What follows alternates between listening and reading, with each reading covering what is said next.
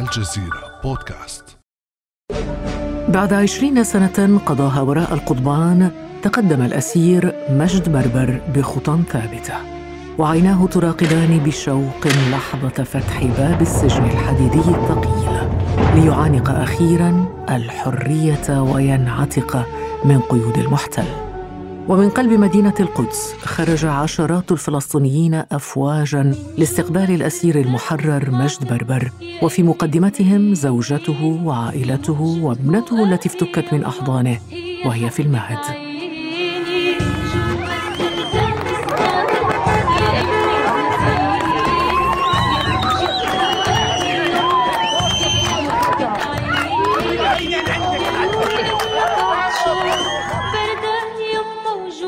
هتافات عناق ودموع فرح كذلك كان اللقاء بعد عشرين عاما من الفراق ذاق خلالها مجد بربر ألوانا من التعذيب والظلم في سجون الاحتلال الإسرائيلي فكيف قاوم مجد ورفاقه السجانين على مدى عشرين سنة من الاعتقال؟ وكيف خاض معركة البطون الخاوية؟ ولماذا أعاد جنود الاحتلال اعتقاله بعد 24 ساعة قبل الإفراج عنه مجددا؟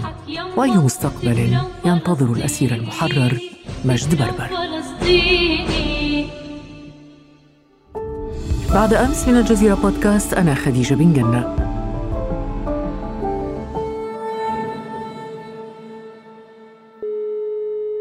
ويسعدني أن أستضيف معي في هذه الحلقة الأسير المحرر مجد بربر وزوجته فاطمة. أرحب بكما فاطمة ومجد صباحكم جميل. يسعد صباحكم وتحية لمستمعيكم الأعزاء. يسعد صباحكم صباح الخير صباح الصحافة الحلوة. يسعد صباحك سيدة خديجة. صباحنا جميل بكم وبوجودكم معنا في هذه الحلقة. لو بدأت معك أبو منتصر. أولا الحمد لله على سلامتك وخروجك من السجن بعد عشرين عاما من الأسر. الله يسلمك وشكرا جزيلا لك تفضلي. لو تحدثنا أبو منتصر في البداية عن طعم الحرية الذي ذقته الآن بعد عشرين سنة من الاعتقال كيف عشت هذه اللحظة؟ بطبيعة الحال أختي إمرامي آه، الأسير دائما يكون تواق ومشتاق جدا لأهله وخصوصا إذا كان يعني إنسان متزوج ولديه يعني زوجة وأولاد وعائلة بتنتظره بكل الدفى في الخارج. فبطبيعة الحال يعني كنت أنا مشتاق جدا لهم وكانت سعادتي غامرة. وأنا يعني بلتقي في أم المنتصر للحظة الأولى في رأس العمود. طبعا أيضا يعني هواء مدينتي مدينة القدس الحبيبة واللي أنا بعشقها جدا كان كثير بالنسبة إلي يعني له أثر بالغ علي خصوصا وإني انحرمت منه على مدار عشرين عام انحرمت من كل شيء في مدينة القدس معالمها شوارعها رائحتها ابتسامة أهلها.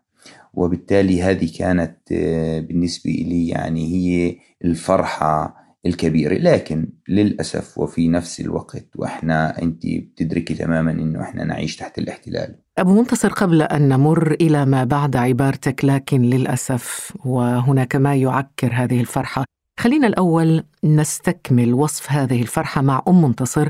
أم منتصر تلك اللحظة عند رأس العمود وأنت تشاهدين أبا منتصر يتقدم نحوك بعد عشرين عام من الاعتقال.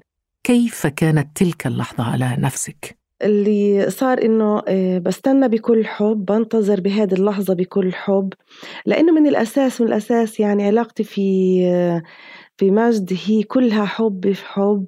آه، نعم صار هو حب عذري بعد عشرين سنة. آه، فراق بيننا فراق قسري للأسف آه، إنه أبعد عني ودخل الأسر مدة عشرين سنة. هذا مش إشي بسيط. فهو كان في نهفة صغيرة بيني وبينه إنه مجد طلع من البيت ب 30 3 2001 وأنا موجودة في البيت على الكنبة. فقال لي إنه لا بدي أرجع على البيت أفتح باب البيت بعد 20 سنة الاقيكي على نفس الكنبة وألاقيكي. فهلا اللي صار إنه كل الأحباب والأهل والأصدقاء موجودين في البيت عنا وفي الشارع وإلى آخره وأصدقاء ورفاقه بالمنتصر كان صعب إنه أنا أرد على أبو المنتصر وأتم قاعدة في البيت فلازم أركض وأنزل على الشارع مثلي مثلهم لأني أصلا أنا مش مصدقة إنه أنا فعلا راح تيجي سيارة تكون حاملة مجد وأشوف مجد لا لا مش مصدقة. يعني عمالي بتطلع وبترقب بتطلع بتطلع. آخر إشي لما لمحت السيارة بنفس الحي اللي إحنا ساكنين فيه قدام بيتنا. وين بالضبط؟ القدس براس العمود. فهلأ لما شفت السيارة إنه آه هذه السيارة اللي هي آه، فيها مجد ما بعرف شو اللي اللي صار. أنا كنت آخر الناس فصرت أنا أول الناس وعمالي بركض بركض بركض ومش مصدقة بالمرة. ومش مصدقة كمان. فرحة كبيرة جدا يعني سقفها السماء. ولكن حدث للأسف شيء وكنت تقول أبا المنتصر ولكن للأسف ماذا حدث للأسف؟ يعني هذه الفرحة الغامرة اللي استقبلتني فيها أم المنتصر وأهلي وأصدقائي ورفاقي وكل أبناء الحي يعني لم ترق له الحقيقة. في مساء آه، اليوم الثاني لوجودي في منزل العائلة اقتحمت قوة كبيرة جدا من قوات الاحتلال منزلي بشكل عنجهي يعني فقط يعني يلبق للاحتلال وجنوده واقتادوني إلى مركز توقيف المسكوبية في القدس وهناك تم التحقيق معي ويعني تأليف التهم الجزافا وكأنه يعني أنا صار لي عمر قاعد في رأس العمود مش إلي أقل من 24 ساعة مروح من أسر بعد 20 عام. إحنا أخت أم رامي ما, ما توجهتش أنا من السجن بصراحة مباشرة إلى البيت. أنا تم اعتقالي واختطافي من أمام السجن مباشرة ومنع أهلي من استقبالي أمام السجن واقتدوني أيضا إلى سجن المسكوبية وهناك حاولوا من يعني فرض الإقامة الجبرية علي في البيت وطبعا أنا رفضتها بالمطلق. يعني وهم يعني عادوا وتراجعوا عن موقفهم هذا وتم يعني تحرري بشكل رسمي من أمام سجن المسكوبيه ذات الشيء حاولوه في المرة الثانية. نعم. هذا يقودنا أبا المنتصر للحديث عن العشرين عاما ويعني أكيد ذهنك يعني مليء بذكريات قاسية في السجن. طبعا لا نريد أن ننغص عليك وعلى فاطمة على أم المنتصر هذه الفرحة الجميلة بخروجك. ولكن صف لنا احكي لنا الحكاية. عشرين سنة في سجون الاحتلال عمر كما يقال. ما الذي بقي عالقا في ذهنك من آه، العشرين سنة هذه؟ أنا عشت يعني معظم حياتي الواعية والمدركة في الأسر بطبيعة الحال. أنا دخلت الأسر وعمري 25 عام وخرجت منه وعمري 45 عام. وبالتالي يعني العشرين عام الأخيرة كانت جميعها واعية ومدرك أنا آه، بشكل تام لكل ممارسات وانتهاك الاحتلال بحق أسرانا نعم أنا تم اعتقالي والتحقيق معي بشكل قاسي جدا على مدار أكثر من شهرين.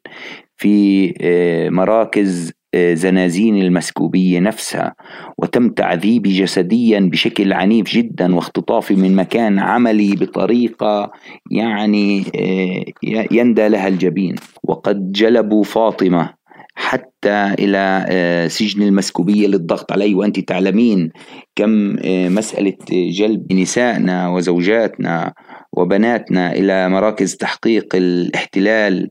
يعني ممكن أن تكون حساسة جدا لنا وهم حاولوا أن يلعبوا على هذا الوتر لكن لم اعطيهم ما كان في بالهم ورفضت ابدا التعاطي معهم رغم أني اعتقدت لمدة أسبوع كامل أن فاطمة موجودة معي في التحقيق. أيضا منعت من النوم لأسبوع كامل. الحقيقة لأسبوع كامل. يعني يعني أنا أذكر أنه في مرة من المرات تم وضعي على كرسي الشبح من يوم أحد الساعة الثامنة صباحا وحتى استمر التحقيق معي وحتى يوم الجمعة الساعة الواحدة ظهرا.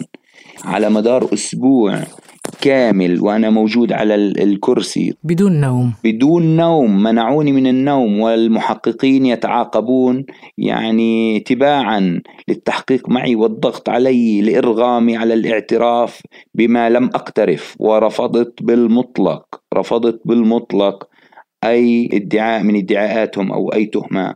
من الاتهامات التي وجهت إلي في حينه. طبعا بعد هذا التحقيق الذي انهزم فيه الجلاد أمام الفلسطيني خرجت إلى السجن وهناك استطاعوا أن يقوموا بإدانتي والحكم علي بالسجن لمدة 21 عام أولا وبعد الاستئناف عادت لتكون 20 عاما.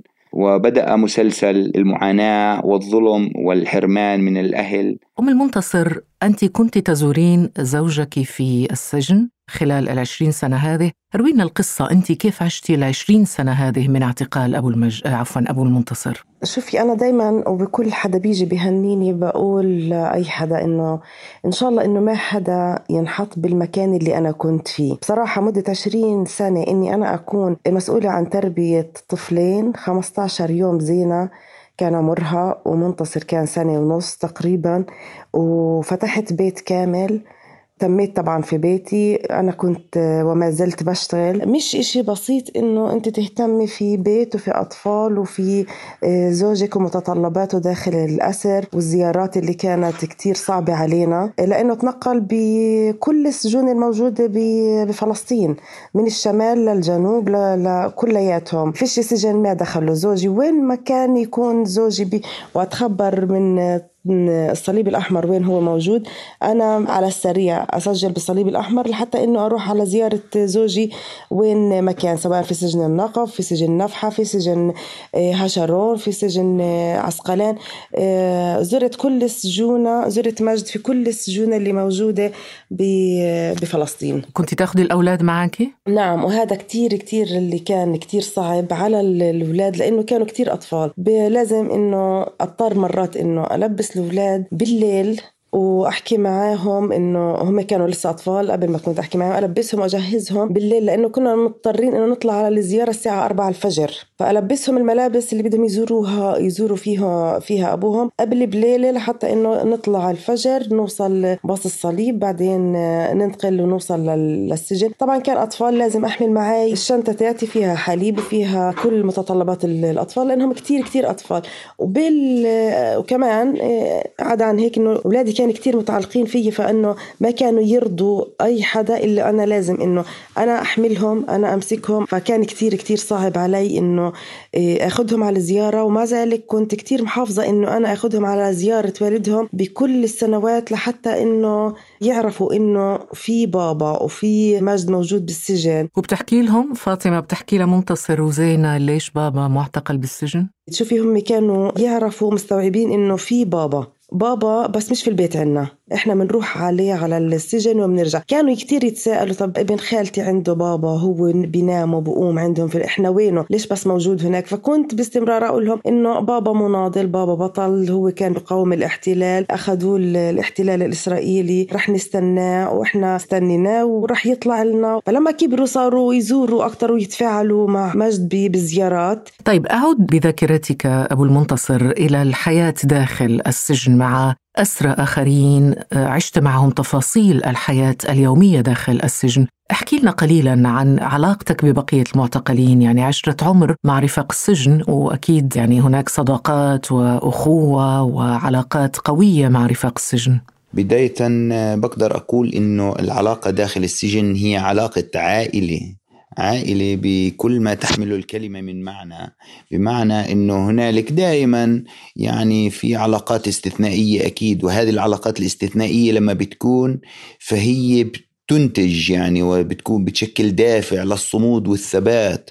ويعني تجديد الإرادة في كل مرة من جديد حتى في أحلك الظروف وأصعبها. يعني مثلا على سبيل المثال آه، لما بيكون الأسرى يخوضون آه، إضرابا مفتوحا عن الطعام وبطبيعة الحال الأسرى هم من يبدأ الإضراب لكن يعني لا يمكن لأحد أن يتنبأ متى يمكن لهذا الإضراب أن ينتهي. بالتالي كلهم بيكونوا عارفين أنه يعني حياتهم على كف المجهول. وعلى هذا الأساس أنا بقول إنه دائما كانوا هدول الأسرى تلاقيهم منتبهين لبعض أكثر ما بينتبهوا لصحتهم. يعني إذا واحد منهم وقف وداخ شوية بتلاقي الكل حريص عليه وينتبه له أكثر يشرب مية ووقف شوي شوي اقعد شوي شوي دير بالك على حالك. فبتلاقي يعني في حرص زائد ولهفة أمومية حتى بقدر أقول بين الأسرى الأسرى بيرتفع مستوى العاطفة عندهم بشكل غريب.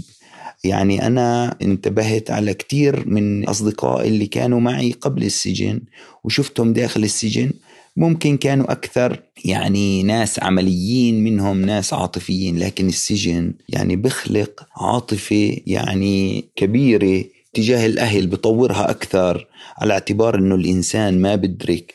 قديش هو يعني في قيمة لعائلته حتى طالما هو يعني بيناتهم يعني ما أدركش معنى الحرمان منهم. في مسائل أساسية في حياتنا في الخارج. يصير الإنسان يدرك قديش قيمتها وقديه إلها معنى في حياته وهذه التفاصيل هو محروم منها بشكل كامل.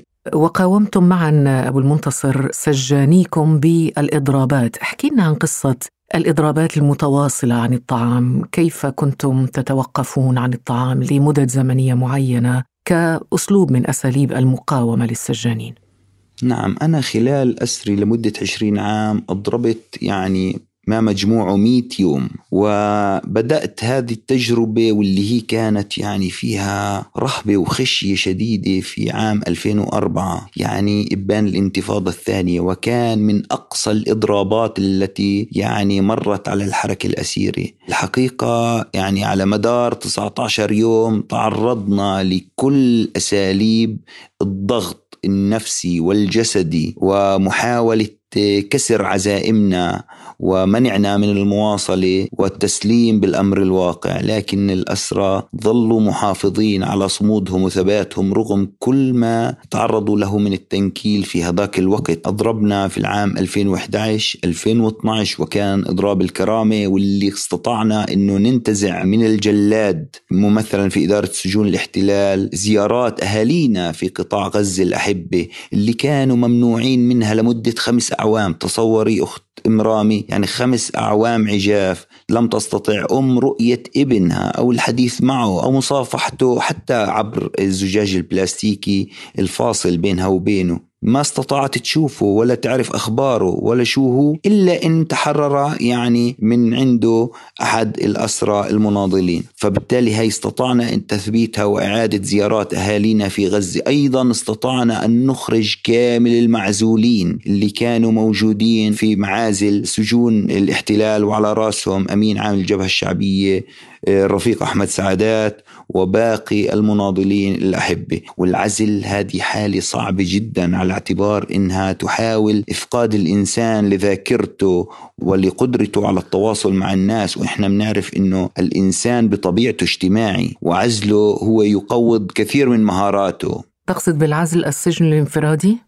السجن الانفرادي لمدة طويلة جدا تصل لسنوات طويلة. في أخونا محمود عيسى أبو البراء من آه، القدس من عناتا يعني استمر مدة عزله الانفرادي مدة 11 عام متواصل. تصوري يعني مدد غير معقولة وغير متخيلة. وهذه دولة تدعي ديمقراطية وحقوق الإنسان وأنها جزيرة في يعني في منطقة مظلمة. هي أم الظلم وأم ال... لكن بصورة للأسف بارعة يعني والغرب يطبل لها ويصفق وكأنها فعلا هي يعني أم الحضارة وأم الثقافة وأم الديمقراطية. بالنسبة لتربية الأولاد وهذا السؤال بصراحة سؤال فضولي أنا كأم يعني أتساءل. بالنسبة لأم المنتصر وهي التي تولت تربية طفلين أحدهما اللي هو المنتصر عمره سنة ونص وزينة 15 يوم ولما طلع أبو المنتصر من السجن ما شاء الله كانوا شباب يعني وجدهم شباب كبار. البنت عمرها 20 سنة يمكن والمنتصر 21 سنة ونصف.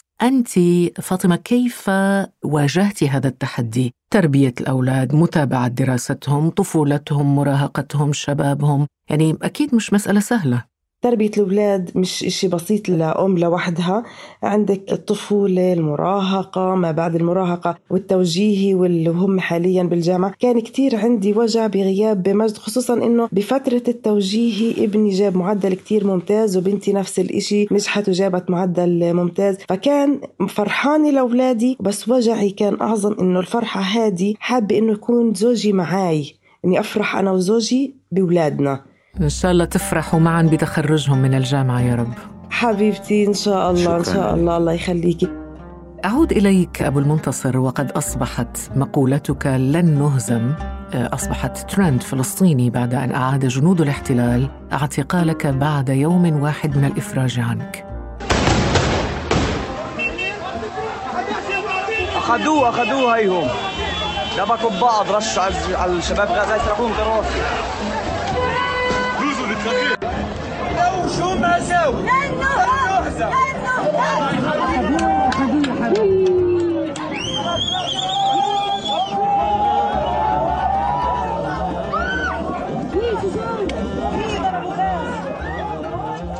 كان هذا صوت قنابل جنود الاحتلال الإسرائيلي وهم يقتحمون منزلك أبا المنتصر في حي رأس العمود في القدس المحتلة وأنت تصرخ مجددا لن نهزم لن نهزم. هل يمكن أن يعود الاحتلال لاعتقالك مرة أخرى؟ يعني أنا لم أخشاهم بالمطلق يعني لا اليوم ولا بالأمس ولا قبل عشرين عام. بالنسبة لي الاحتلال معروف يعني ما الذي يمكن أن يقوم به الاحتلال؟ الاحتلال قادر على فعل كل شيء سيء في حياتي كعربي فلسطيني.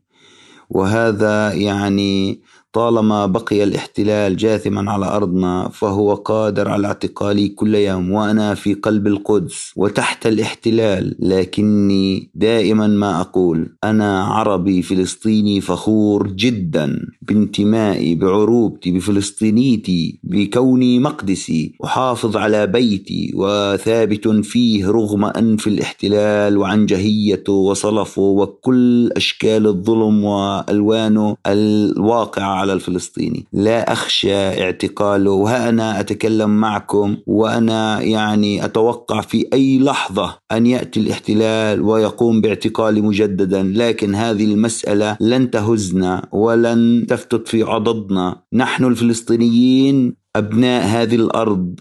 كنا فيها قبل أكثر من أربع آلاف عام سوف نبقى فيها مرت على هذه الأرض عشرات الاحتلالات ولكنها كلها مضت وبقيت مجرد تاريخ وهذا الاحتلال عاجلا أم آجلا؟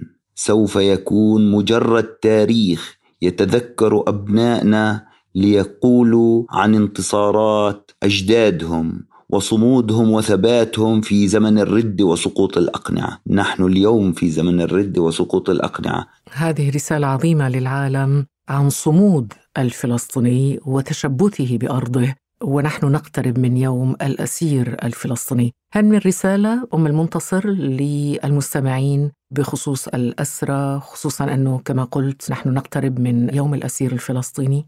نعم ب 17 أربع يوم الأسير الفلسطيني قضية الأسرة لازم تكون دايما حاضرة ولازم تكون ضمن أولوياتنا وأولويات النضال الفلسطيني أولا. وما بيجوز أنه نتنازل عنها ولا عن حق أسرانا وأسيراتنا في العودة لبيوتهم ولعائلاتهم وأنهم يحضنوا أهاليهم.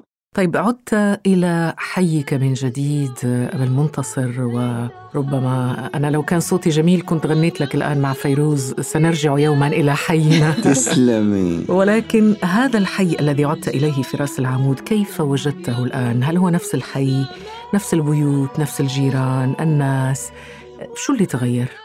بطبيعة الحال أخت مرامي آه، يعني لا يمكن أنه أجد يعني مكان يعني تركته عشرين عام على نفس الهيئة. لكن شعور الناس والذي رأيته في عيونهم من شوق وتعطش حتى لجيل كامل لم أعش معه.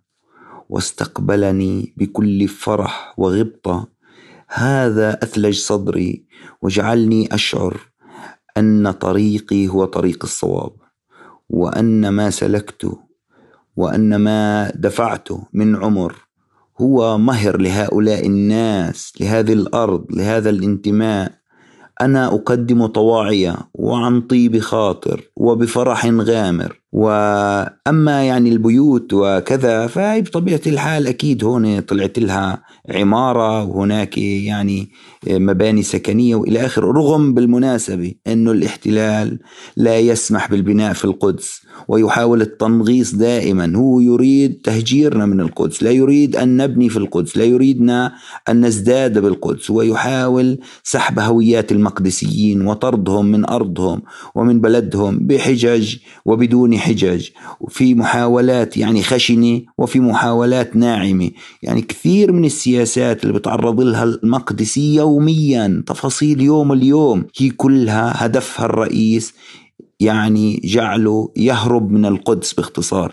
لكن الحقيقة إن المقاومة الرئيسية للمقدسي هي صموده وثباته.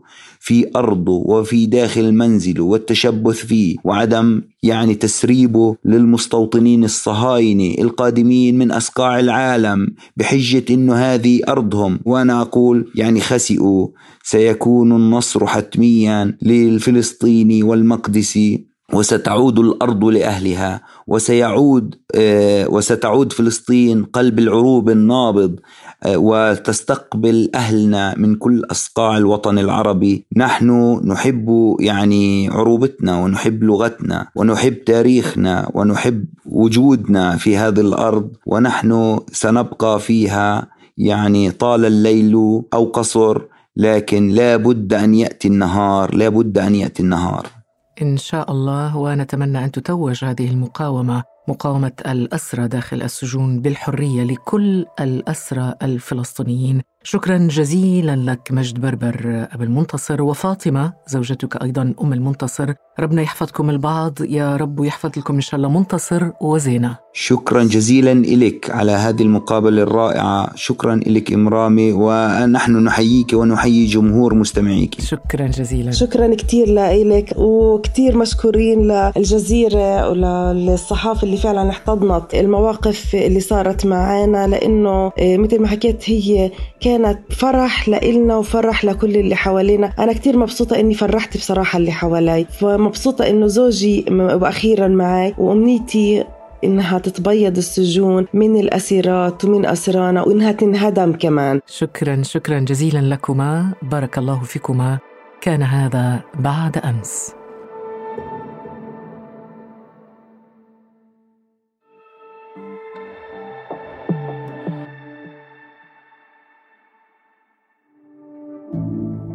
ابقى على تواصل مستمر مع الجزيرة بودكاست ولا تنسى تفعيل زر الاشتراك الموجود في تطبيقك لتصلك الحلقات يومياً.